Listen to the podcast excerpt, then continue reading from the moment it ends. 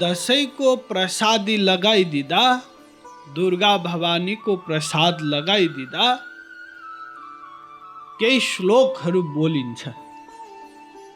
यसमा महिलाहरूको लागि अलग श्लोक छ, पुरुषहरूको लागि अलग श्लोक त यो किन बोलिन्छ? यसको आशय के हो? यसको बारेमा थोरै म प्रकाश पार्नेछु। एक छ महिलाहरूलाई प्रसाद दिँदाखेरि यो बोलिन्छ, जयन्ती मङ्गला काली भद्रकाली कपालिनी, दुर्गाक्षमा शिवाधात्री स्वाहा सोधा नमस्तु ते सर्वमङ्गलमाङ्गल्ये शिवे सर्वार्थसाधिके। शरण्यं त्र्यम्बके गौरी नारायणी नमस्तु ते यो बोलिन्छ। यसमा त्यति धेरै व्याख्या गरिरहनु जरुरी छैन। यही देवीहरूको नाम लिइएको छ यहाँ। जयन्ती मङ्गलाकाली भद्रकाली कपाली आदि। यो देवीहरूलाई नमस्कार भनिएको छ स्मरण गरिएको छ र देवी भवानीको प्रसादले कल्याण होस्। ए आशय हो। र अर्को जुन पुरुषहरूको लागि प्रयोग हुन्छ त्यसमा अलग श्लोक छ। आयुर्दोणसुते श्रियो दशरथे शत्रुक्षयो राघवे। ऐश्वर्यन्नहुसे गतिश्च पवने मानश्च दुर्योधने शौर्यं शान्तनवे बलं हलधरे। सत्यं च कुन्ती सुते। विज्ञानं विदुरे भवन्तु भवतां कीर्तिश्च नारायणे यद्यपि यसलाई छिटो छिटो बोल्छन्, मैले यहाँ सबले क्लियर बुझुन् त्यसैले श्लोकमा बोल्दै। यो बोल्छन्। प्रसाद लगाइदिँदा त यसको आशय के हो? अर्थ के हो? त हेर्नुहोस् पहिलोमा त देवी माताहरूको नाम लिए गोलोक वैकुण्ठवासी सब देवीहरू हुन्छन्। भगवतीहरूको नाम थियो। यहाँ भगवान महापुरुष एवं अपराध गर्ने व्यक्तिहरूको पनि नाम लिएको छ। जबकि आशीर्वचन दिँदा त राम्रै राम्राको मात्र गर्नु तर सबको छ। त्यसैले यदि कसैले केलाएर हेऱ्यो भने आयुर दौड्न सुतेवालामा कन्फ्युजन प्राप्त हुन्छ। विरोधी चिजहरू छन् यसमा। त्यसैले यसलाई बुझ्न थोरै आइडिया लगायो भने फेरि मजा आउँछ जब यो कार्य गर्दा पनि बुझिसकेपछि। हेर्नुहोस् यहाँ पहिलो बताइयो आयुर द्रोण सुते। अर्थात् आयु जुन छ द्रोण द्रोणाचार्यका पुत्र भए अश्वत्थामा। त्यसको बराबर होस् यो बताइदिए।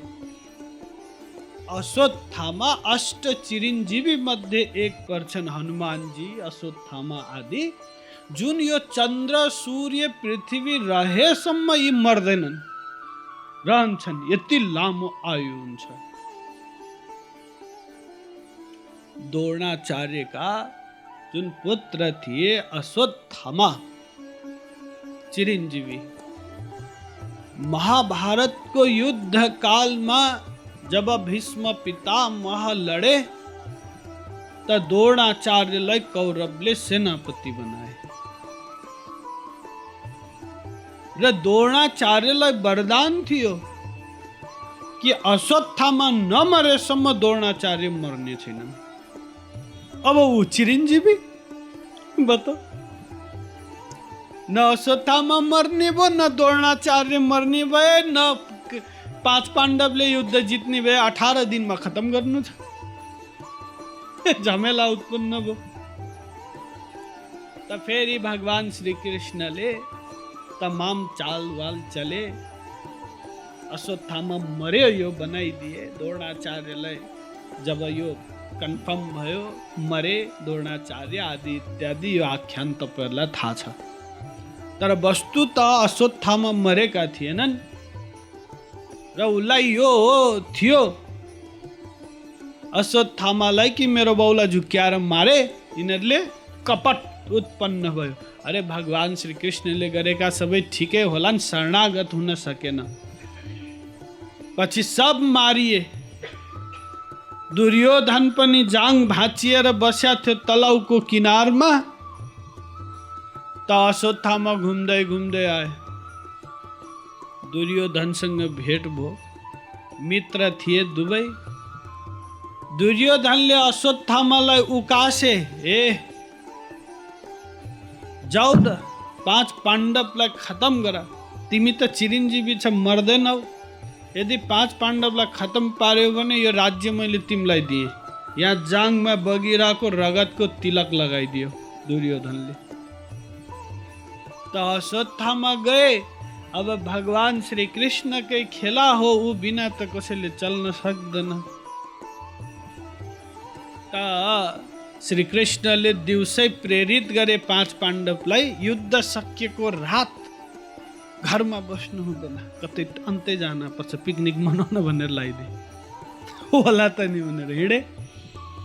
यता अश्वत्थामा राति आयो पाँचजना लहरै सुतेको देखेर पाँचजनाको टाउको काटेर पोको पारेर दुर्योधन कहाँ लिएर गयो ल्याएँ मैले पाँच पाण्डवको टाउको फेरि तारतम्य यस्तो थियो कि दुर्योधनलाई हर्ष र विस्मात एकैचोटि परे मात्र मर्ने न त नमर्ने फेरि एकैचोटि खुसी र दुःखी एकैचोटि हुन पर्ने त जब अश्वत्थामाले लगे ल्याएँ मैले पाँच पाण्डवको टाउको त पारेर ल्या देखेर खुसी भयो दुर्योधन।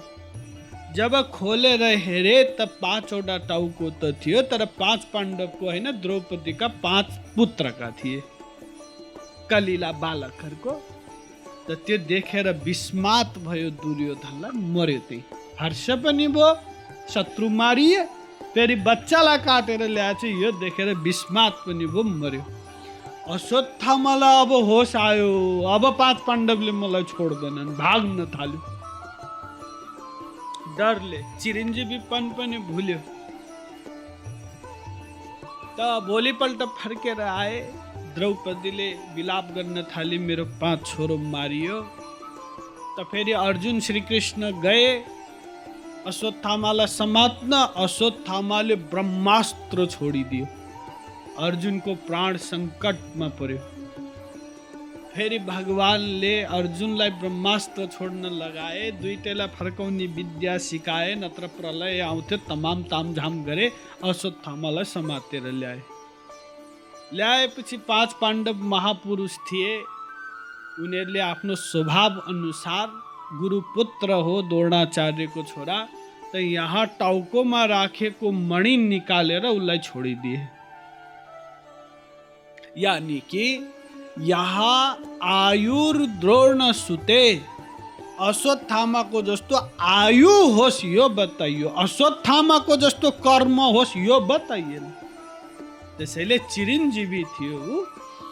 त यो भन्दै आशीर्वचन यहाँ बोलिन्छ कि आयु अश्वत्थामाको समान होस्। यो पहिलो चिज। दोस्रो श्रीयो दशरथे, अर्थात दशरथ राजा को जस्तो चंचला लक्ष्मी होस्। ध्यान दिनुहोस् केवल लक्ष्मी बोल्दै भइहाल्थ्यो नि धनकी अधिष्ठात्री देवी। तर यहाँ दशरथको जस्तु बताइयो। किन। त यसको कारण यो हो, राजा दशरथलाई इन्द्र लक्ष्मी पनि प्राप्त थियो। ध्यान दिनुहोस् लक्ष्मी जुन छ लक्ष्मीका प्रकार हुन्छन्। एक लक्ष्मी साधारण धन जुन छ त्यसलाई मानिने लक्ष्मी सर्वसाधारणले पुज्छन्। राजाको लक्ष्मी हुन्छ राज्य लक्ष्मी। त्यो अर्को प्रकारको लक्ष्मी हुन्छ। र अर्को हुन्छ इन्द्र राज्य लक्ष्मी। यानि कि इन्द्रको जुन स्वर्गको जुन छ धन सम्पत्तिवाला लक्ष्मी। त थिए दशरथ मृत्यु लोकका राजा तर इन्द्र राज्य लक्ष्मी पनि प्राप्त थियो उनलाई।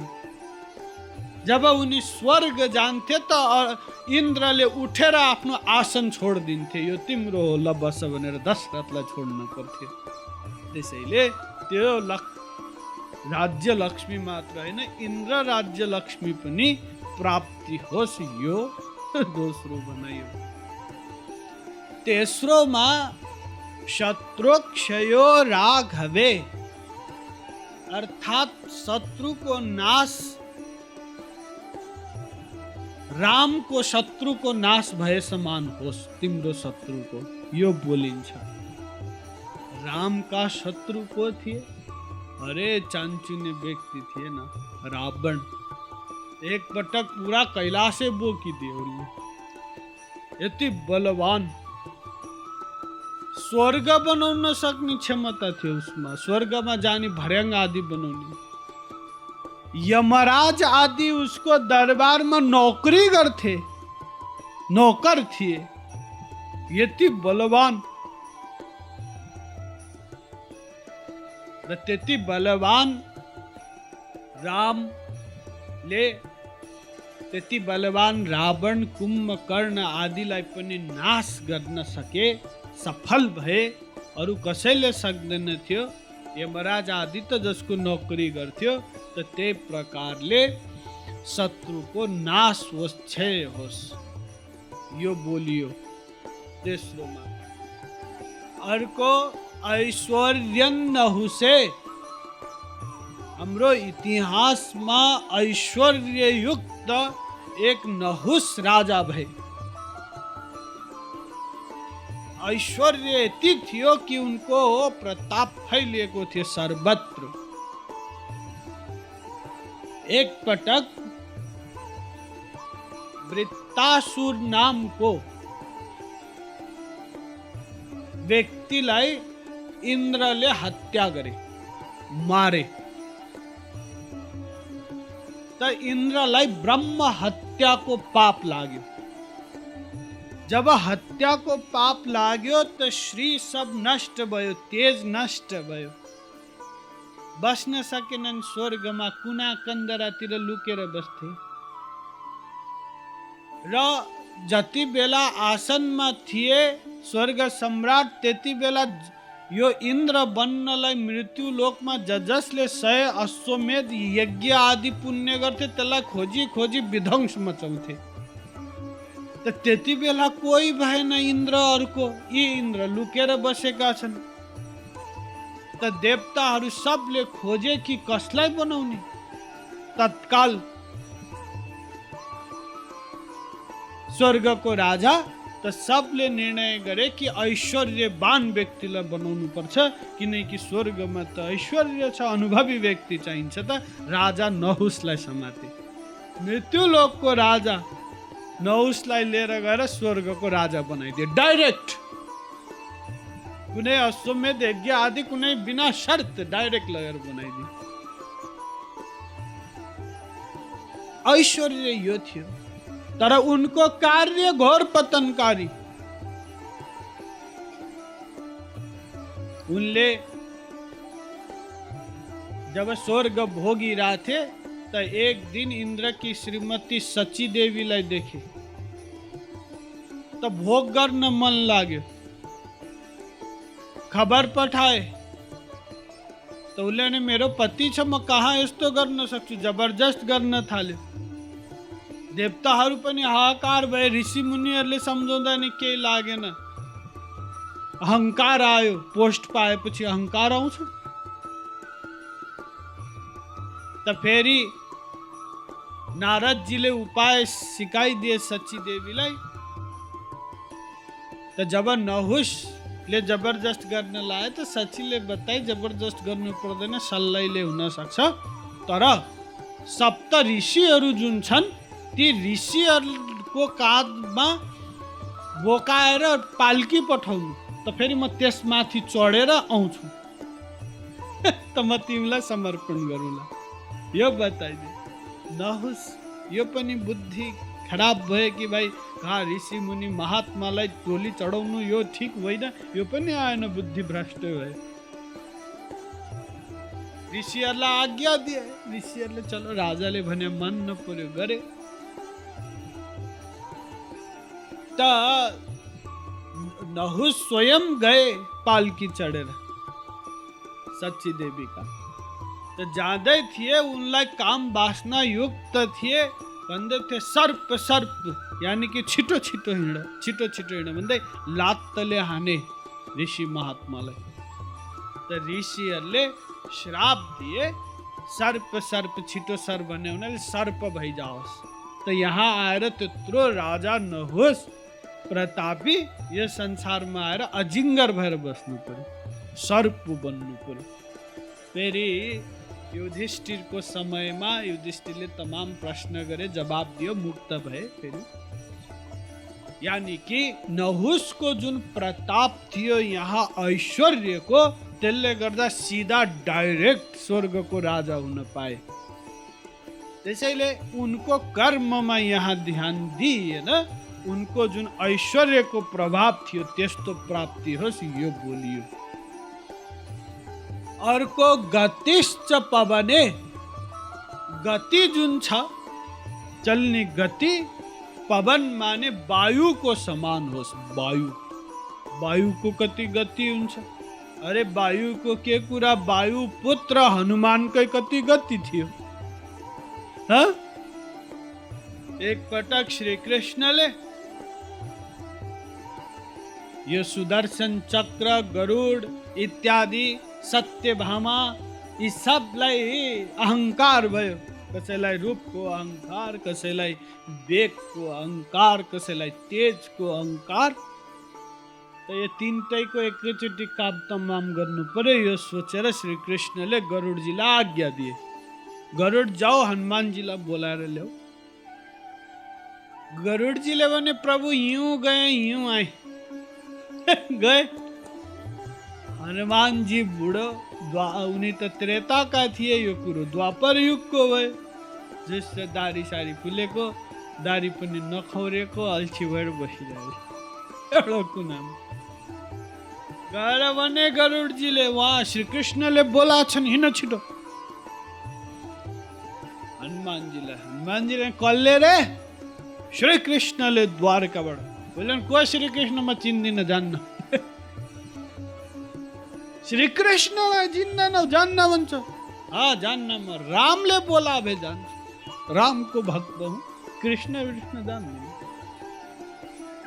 त गए बताए प्रभु कस्तो खालको सोमत नभएको बाँदर रहेछ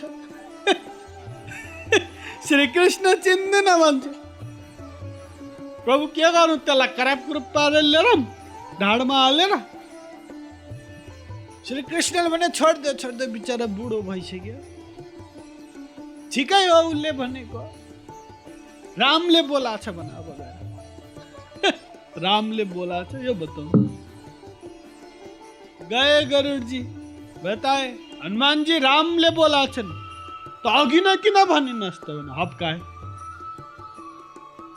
भने कि त जान्दै गर गरुडलाई। म आउँछु। गरुडले भने अरे यो बुढो यत्रो ज्यान कहिले पुग्छौ तिमी द्वारका? औ म बोकेर लैजान्छु। ले होइन जाऊ। होइन म बोकेर लान्छु।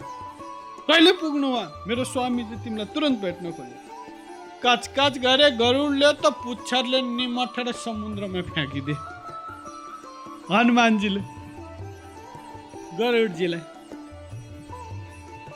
हनुमान जी गए द्वारका तो सुदर्शन चक्र जुन थियो द्वारका को सुरक्षा गर्थ्यो फनफनी घुमिरहन्थ्यो हनुमान जी गए तो सुदर्शन चक्र भने ए बाँदर पक्क कहाँ छिर्न थाल्यो? त्यहाँभित्र छिर्ने, कत्रो हिम्मत तेरो। भिसा सिसा था पासपोर्ट भिसा कहाँ छ? पर्मिसन हनुमानजीले यसो हेरे च्याप्प समातो क्वाप्प मुख हालिदिए सुदर्शन चक्रलाई यहाँ साइडमा सुपारी पुष्टकारी खाएको हालेर छिरे। भित्र। श्रीकृष्णले हेरे झ्यालबाट अरे हनुमानजी आइसक्यो हनुमानजी आइसक्यो। सत्यभामालाई भने हे हनुमानजी आइसक्यो। अब यहाँ श्रीकृष्ण सत्यभामा देख्यो भने त रिसाउँछन् बम्किन्छन्। त्यसैले म राम बन्दैछु तिमी सीता बन। यो बताए अब श्रीकृष्णलाई सीता बन्न त के राम बन्न के थियो? टेढो थियो सोझो भइदियो भइगयो। बाँकी मुरली थियो बाण लिइदियो ठ्याक्कै उही भइगयो। राम श्याम कुनै प्रब्लम भएन। सत्यभामालाई बताए सीताको मेकअप गरेर बस्नु भगवान बसे हनुमानजी आए।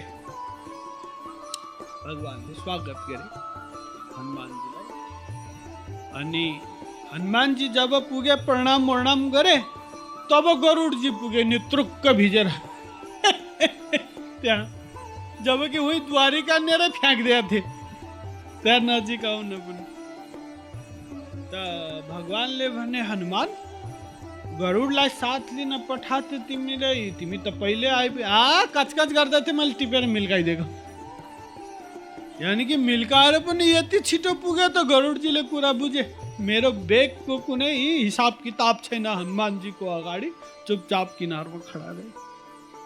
फेरि सोधे, राम बने का श्रीकृष्णले? तिम्रो गालामा के भयो? खटिरा सटिरा आयो कि? यतातिर उसले भने होइन प्रभु यहाँ महलमा छिर्दै थिएँ एउटा खेलौनाले जिस्काए यहाँ टिपेर राखेको भनेर सट्ट निकालेर फुत्त फ्याँकिदियो चक्रलाई सुदर्शन चक्रलाई। त्यसपछि रामलाई त प्रणाम गरे सँगै बसेको सीताजीलाई गरेनन्। सोधे रामले प्रभु यो बगलमा बसेकी कुन चाहिँ नोकरानी हो? कुन चाहिँ नोकरनी हो? हाम्रो सीता माता खोइ।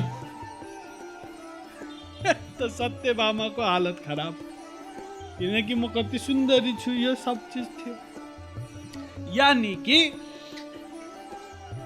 हनुमानजीको जुन बेग छ त्यस नै गरुड भगवानका वाहनले पार पाउन सक्दैनन् त फेरि पवन त हनुमान हनुमानजीका पनि पिता।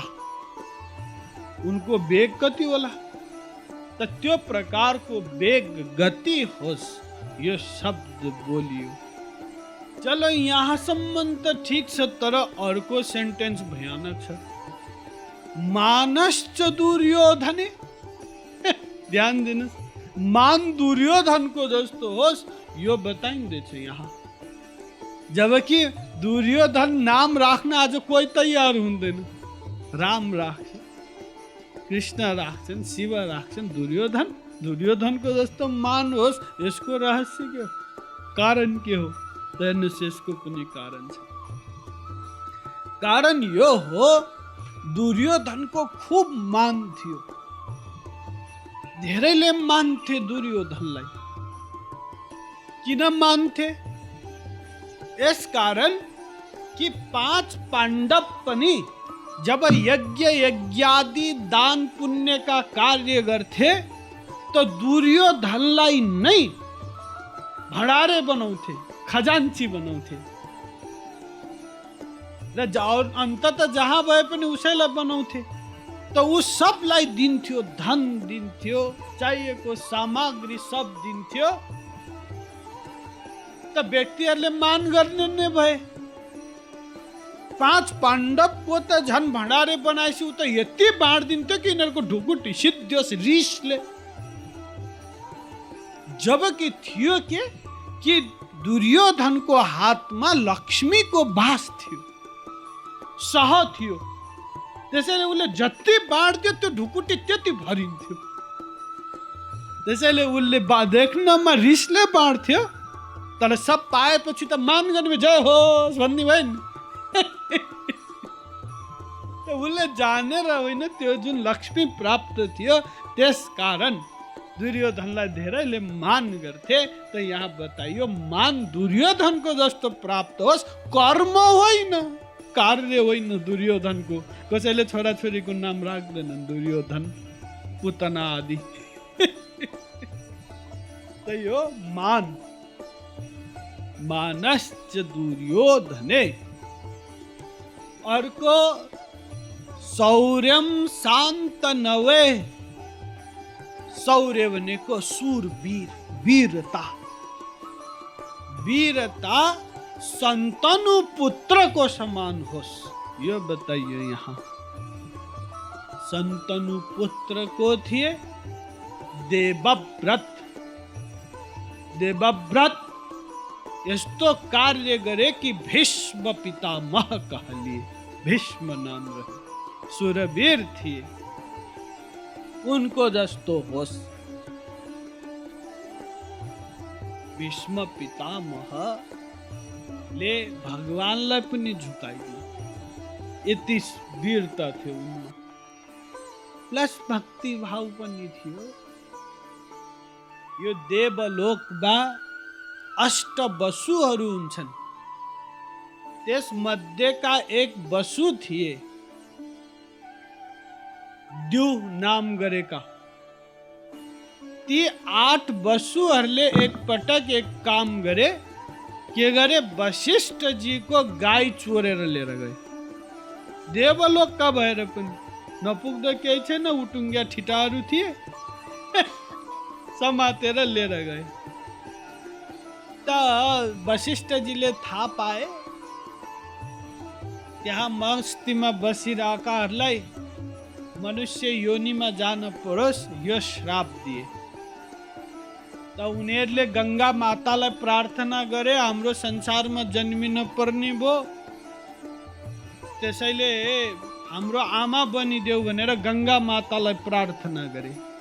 गङ्गा माताले स्वीकार गरिन् र यहाँ मृत्यु लोकमा सन्तनु राजालाई मोहित बनाएर उनीद्वारा आठवटा पुत्र जन्मियो र गङ्गाले शर्त लगाइदिन् सन्तनु राजालाई कि मैले जे गरे पनि बोल्न पाइने छैन शरणागत हुनपर्छ राजाले स्वीकार गरे मोहित थिए गङ्गामाथि त जति छोरो पाउँदै गए गङ्गामा बगाउँदै गए उसले राजाले बोलेनन् केही आठौँ पुत्रको पालामा धैर्य टुट्यो मानेनन् यो छोरो त म जान लान दिन्न। त गङ्गाले आफ्नो वास्तविकता बताइदिन्। ठिक छ यो छोरो तिमीलाई नै भयो तर यसको वंश चल्न सक्दैन यो संसारमा। र यसले अरूले त गाई चोर्या मात्र थियो यसले त दोहोएर पिउन नि भ्याएको छ। त्यसैले यहाँ धेरै दिन भोग्न पर्छ। यो सब बताए त देवव्रत भए तिनै भीष्म पितामह कहलिए। र भीष्म पितामह कसरी भए? कि सन्तनु राजा सत्यवती, एक स्त्री जुन थी त्योसँग मोहित भए र आए दरबारमा रहे, उनलाई रा- खान पिउन मन लागेन सधैँ त्यसैको चिन्तन भइरह्यो देवव्रतले छोदे के भयो पिताजी। त अरू जुन राज अरे, राजाका दरबारी थे थिए उनीहरूद्वारा था पाए कि सत्यवती नामकी स्त्रीसँग इलु इलु भयो। कुछ कुछ भयो यिनको त्यसैले खान पिउन मन लाग्दैन त्यही चिन्तन गरिरहन्छन् यो बताइदिए त गयो देवव्रत। सिधा। सत्यवतीलाई गएर भने हाम्रो बाउलाई मन पर्यो अरे तिमी लौ जान पर्यो। बताउनुहोस् आज कुन चाहिँ पुत्र जन्मेला यो संसारमा। त उसले भने कि मेरो पिताजीले दिए भने मन्जुर छ म आफै डिसिजन लिन सक्दिनँ सत्यवतीले त देवव्रत गए सत्यवतीको पिता कहाँ कि मेरो पितालाई तिम्रो छोरी दिन पर्यो सत्य सत्यवतीके बाउले भने म दिन त तयार छु, तर राजा त तिमी बन्छौ, जेठो छोरो तिमी हौ राजाको। मेरो छोरीको छोरोले राज्य पाउँछ भने दिन्छु नत्र दिन्न? उसले भने दिए म राज्य गरिदिनु। म तयार छु यो त्याग गरे। तैपनि चित्त बुझेन उसको। तिमीले त राज्य नगर्लौ तिम्रो छोराछोरीले पछि दाबी गरे भने फेरि? त भीष्म पितामहले वास्तवमा देवव्रत नाम थियो प्रतिज्ञा गरे। कि म जीवन भर विवाह छैन मेरो बाउको खुसीको लागि देऊ त यो भीष्म प्रतिज्ञा गरेको हुनाले आज संसारमा प्रख्यात छ उनको प्रतिज्ञा त ल्याएर विवाह गराए जे जति पनि तिनबाट सन्तान भए, त्यही पाँच पाण्डव कौरव सब त्यसैको अंतर्गत हुन्। उनी भीष्म पितामह भए। र उनको प्रतिज्ञाको अगाडि भगवान पनि डराउँथे भगवान, एक पटक दुर्योधनले भीष्म पितामह जब सेनापति थिए कौरवको त बेलुका आएर सुनाउन थाल्यो खरी खोटी। यतिका दिन भइसक्यो युद्ध भएको जानी जानी तपाईँ पाँच पाण्डवलाई मार्नुहुन्न तिनीहरू प्रिय छन्, नुन चाहिँ मेरो खानी सुनायो कचकच। त भीष्म पितामह पनि जोसमा आए ल भइगयो भोलि म अर्जुनलाई मारिदिन्छु। भीष्मले बोलेपछि त कसैले टार्न सक्दैन। भोलि मारिदिन्छु म। यदि स्वयं भगवान श्री कृष्णले हतियार उठाएर आए भने अलग कुरा नत्र म मारिदिन्छु। र श्री कृष्णले त युद्ध पूर्व नै बोलेका छन् कि म हतियार उठाउँदिनँ। त्यसैले भोलि अर्जुन मार्छु म यो बताइदिनु त यो बताएपछि दुर्योधन खुसी भयो कौरवको जुन शिविर थियो सब प्रसन्न भए तर पाँच पाण्डवकोमा मातम छायो र विशेष गरी श्रीकृष्ण दुखी भए भोलि अर्जुन मारिनेछ सखा पनि हो ज्वाइँ पनि हो शरणागत पनि छ परेशान भए रातको बाह्र बजीसम्म निद्रा लाग्यो। त याद आयो श्रीकृष्णलाई अरे मर्न पर्ने त अर्जुनलाई हो। मलाई यति चिन्ता छ भने अर्जुन कति चिन्तित होला। राति गएर सम्झाइहाल्नु अहिले किनकि रातभरि नसुत्ला ओर्ला फेरि पेटमा एसिडिटी सेटिडिटी बढ्छ। भोलि कसरी लड्नु? अहिले थाम थाम थुम थुम पारेर सुताइहालौँ। बाँकी भोलिको कुरा भोलि गरौँला। यो सोचेर श्रीकृष्ण रातको बाह्र बजे आफ्नो शिविरबाट निस्केर अर्जुनको नाम शिविर खोज्दै गए अर्जुन निवास भनेर लेखेको शिविरमा त्यो दङ परे ढोकामा पुगेपछि। किन? किनकि भित्रबाट त घुरी घुरी सुतेको आवाज आइरहेछ।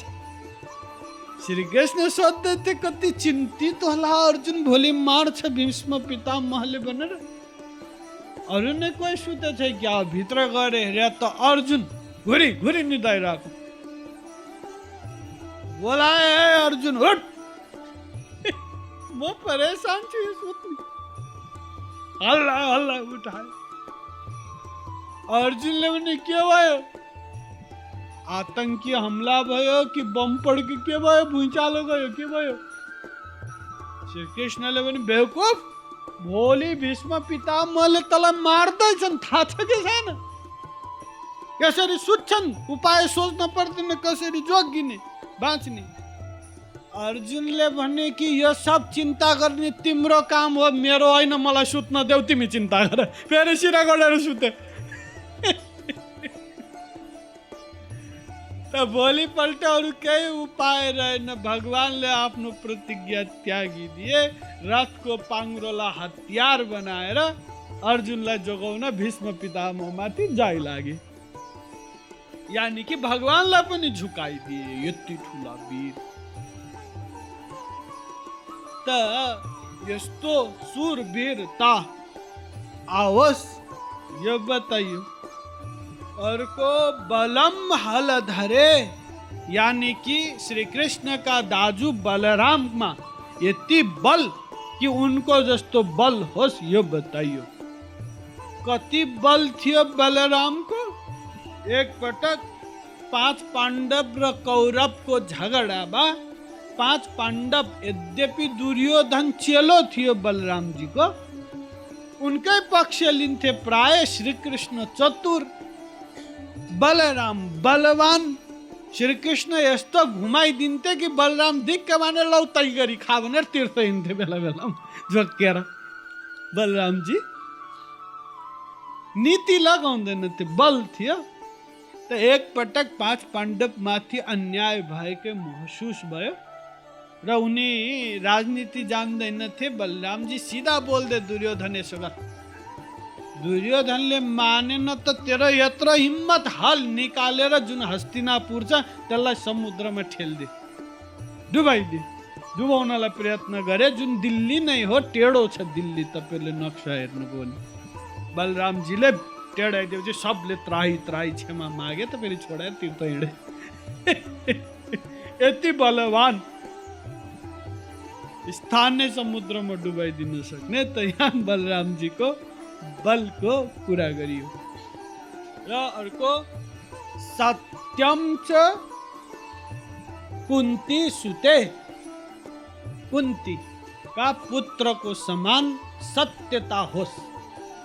सत्य कार्य करने शक्ति प्राप्त होस्, यो बताइयो। कुन्ती सुत माने पाँच पाण्डव पाँच पाण्डवमा पनि युधिष्ठिर। युधिष्ठिरले जीवनभर धर्म सत्यको पालन हेतु प्रयत्न गरे। भगवानले नै भन्दा पनि अश्वत्थामा मर्या हो, भन भन्दा पनि सिधै भनेन। सत्य पालनमा अडिग रहे त यहाँ त्यो बताइयो। यो त तपाईँहरूलाई थाहै छ, धर्मराजका अवतार थिए, धर्म पालन हेतु प्रयत्नशील रहे। वेदमा तैतरीय आरण्यक उपनिषद छ एक त्यसमा गृहस्थमा बस्ने व्यक्तिले पालन गर्नुपर्ने तमाम विषयको निरूपण छ। त्यहाँ सुरुमा गुरुकुलमा पढ्न जाने बित्तिकै यही सिकाइन्थ्यो कि धर्मम चर सत्यम बद अर्थात् सत्य बोल धर्म कर्म गर आचरण गर। यो। त द्रोणाचार्यजीले यो पढाए ध्यान दिनुहोस् कौरवलाई पनि पाँच पाण्डवलाई पनि एकै ठाउँमा राखेर पढाए ल बाबु हो यो याद गर सत्यम बद धर्मम चर सब। भोलि पाठ बुझाउनु सबले। त भोलिपल्ट सोधे द्रोणाचार्यले सबले बताइदिए दुर्योधन दुशासनले पनि बताइदियो सत्यम वद धर्मम चरा। मोटो बुद्धि भएका भीमसेनले पनि बताए, सबले पाठ बुझाए युधिष्ठिरलाई सोधे के हो युधिष्ठिर, तिमी त बोल्दैनौ? द्रोणाचार्यजीले युधिष्ठिरले भने, गुरुजी, मेरो पाठ पूर्ण भएको छैन, दुई चार दिन समय लाग्छ। द्रोणाचार्य ठिक छ अब जाने छैन त गर्नु सबको आफ्नो लेभल हुन्छ ठिक। दुई चार पाँच दिनपछि फेरि सोधे के हो युधिष्ठिर पाठ बुझाउने बेला भएन गुरुजी अझै बेला भएको एक महिना जति लाग्छ दिए दिए दुई चार महीने बित्यो त गुरुजीले सोधे कि अरे दुर्योधन दुशासन भी भीमसेन नकुल सहदेव सब अनुजहरू भाइहरूले पाठ बुझाइसके तिमी अझ बुझाउन सक्दैनौ किन? त युधिष्ठिरले बताए कि गुरुजी यदि त्यो मन्त्रै याद गर्नु थियो भने त गुरुजीले बताउँदा बताउँदै मलाई याद भइसकेको थियो। भोलिपल्ट नि कुर्न पर्ने थिएन।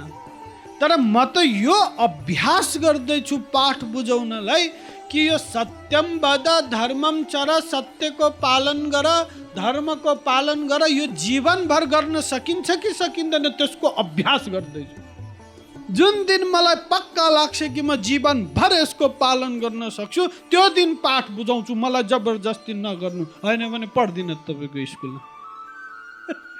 द्रोणाचार्यले भने जाबास हृदयमा लगाए, प्रयत्न गरे जीवनभर सत्य पालन गर्नलाई त त्यस्तो होस् यो बताइयो।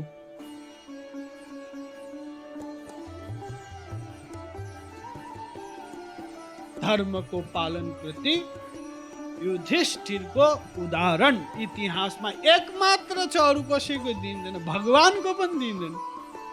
किनकि भगवान त विरोधी धर्मका अधिष्ठाता छन्। यो र अर्को विज्ञानम विदुरे। ध्यान दिनुहोस् ज्ञान जुन छ त्यो विदुरको जस्तो यो बताइयो। जबकि विदुर कुनै कुल खानदानका थिएनन् दासी पुत्र थिए धृतराष्ट्रको सल्लाहकार थिए, तर विदुरको नीति जुन छ ज्ञान जुन छ प्रख्यात छ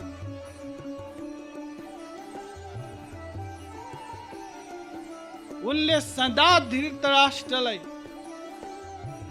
ठिक ठिक बताए बरु छोडिदिए धृतराष्ट्रलाई जङ्गल पसे र सत्यबाट डगेनन्।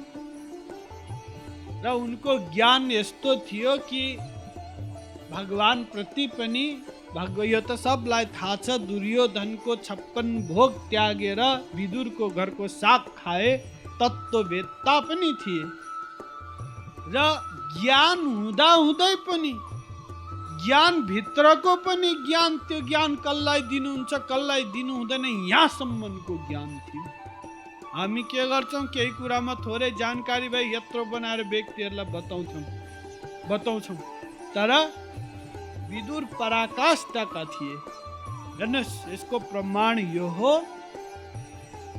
कि धृतराष्ट्रलाई जीवनभर नीति सिकाए। ज्ञान दिए अन्त्यमा सय पुत्र थिए कौरव भाइहरू धृतराष्ट्रका सब मारिए। कोही रहेन, न राज्य रह्यो, न परिवार रह्यो, केही रहेन। त अन्त्यमा विदुरले दिएको सल्लाह नमानेर यो सब भयो रियलाइज़ गरे।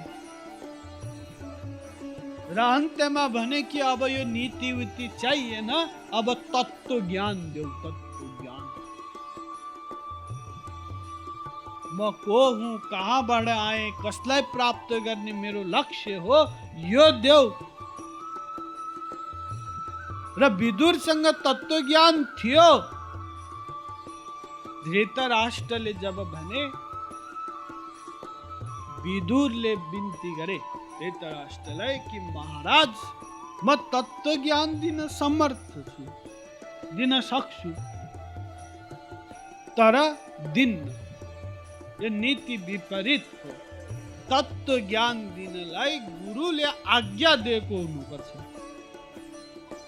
लाइसेन्स दिएको हुनुपर्छ। उसले मात्र बोल्न पाउँछ। जान्दैमा पनि बोल्न पाइन्छ। त्यसको लाभ हुँदैन।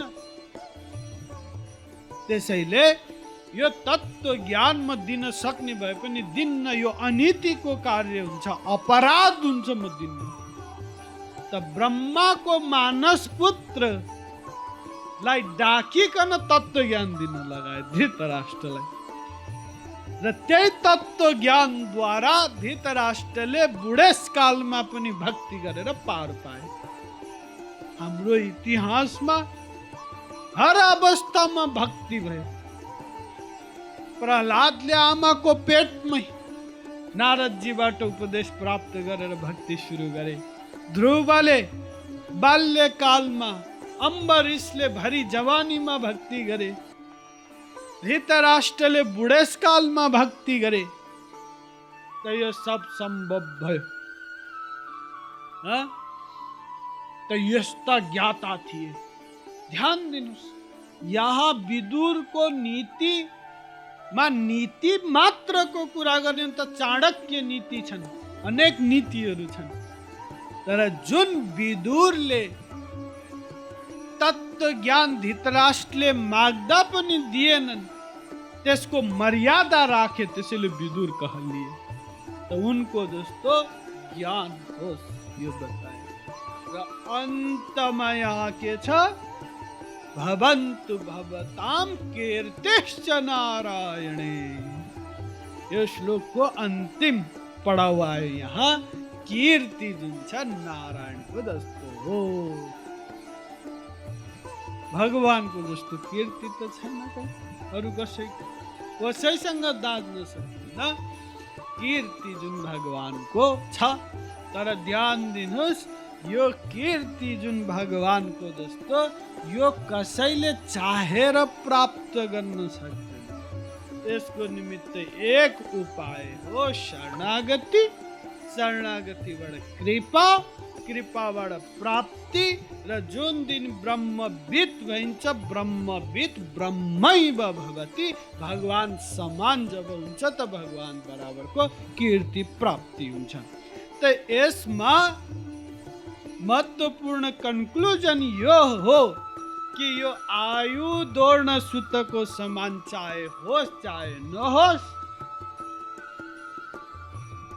लक्ष्मी दशरथको जस्तो भए होस् नभए नहोस् रावण कुंभकर्ण समान शत्रु छे भए होस् नभए नहोस् नहुस राजा को जस्तो ऐश्वर्य भय होस न भय नभए पवन को जस्तो गति भए होस् नभए दुर्योधन को जस्तो मान सम्मान भए होस् नभए नहोस् बलवानमा पनि भीष्म पितामह समान भए होस् नभए नहोस् बलरामको जस्तो बल शरीर में भए होस् नभए नहोस् सत्यवान धिता युधिष्ठिर जस्तो भए होस् नभए नहोस् तर तत्त्व ज्ञान चाहिँ विदुरको जस्तो अवश्य होस्।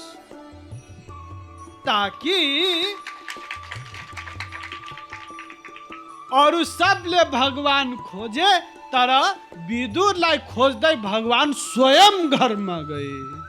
जब त्यो अवस्था आउँछ त बाँकी फेरि ब्रह्मविद ब्रह्मैव भवति। भगवान समान हुन कति पनि बेर लाग्दैन। त्यसैले महत्त्वपूर्ण चिज हो तत्त्व ज्ञान र गुरु जुन तपाईँहरू सबलाई प्राप्त छ। विजयादशमीको उपलक्ष्यमा यसको महत्त्व बुझिकन लक्ष्य प्राप्तिमा तपाईँहरूलाई सफलता प्राप्ति होस्। यही मेरो शुभकामना।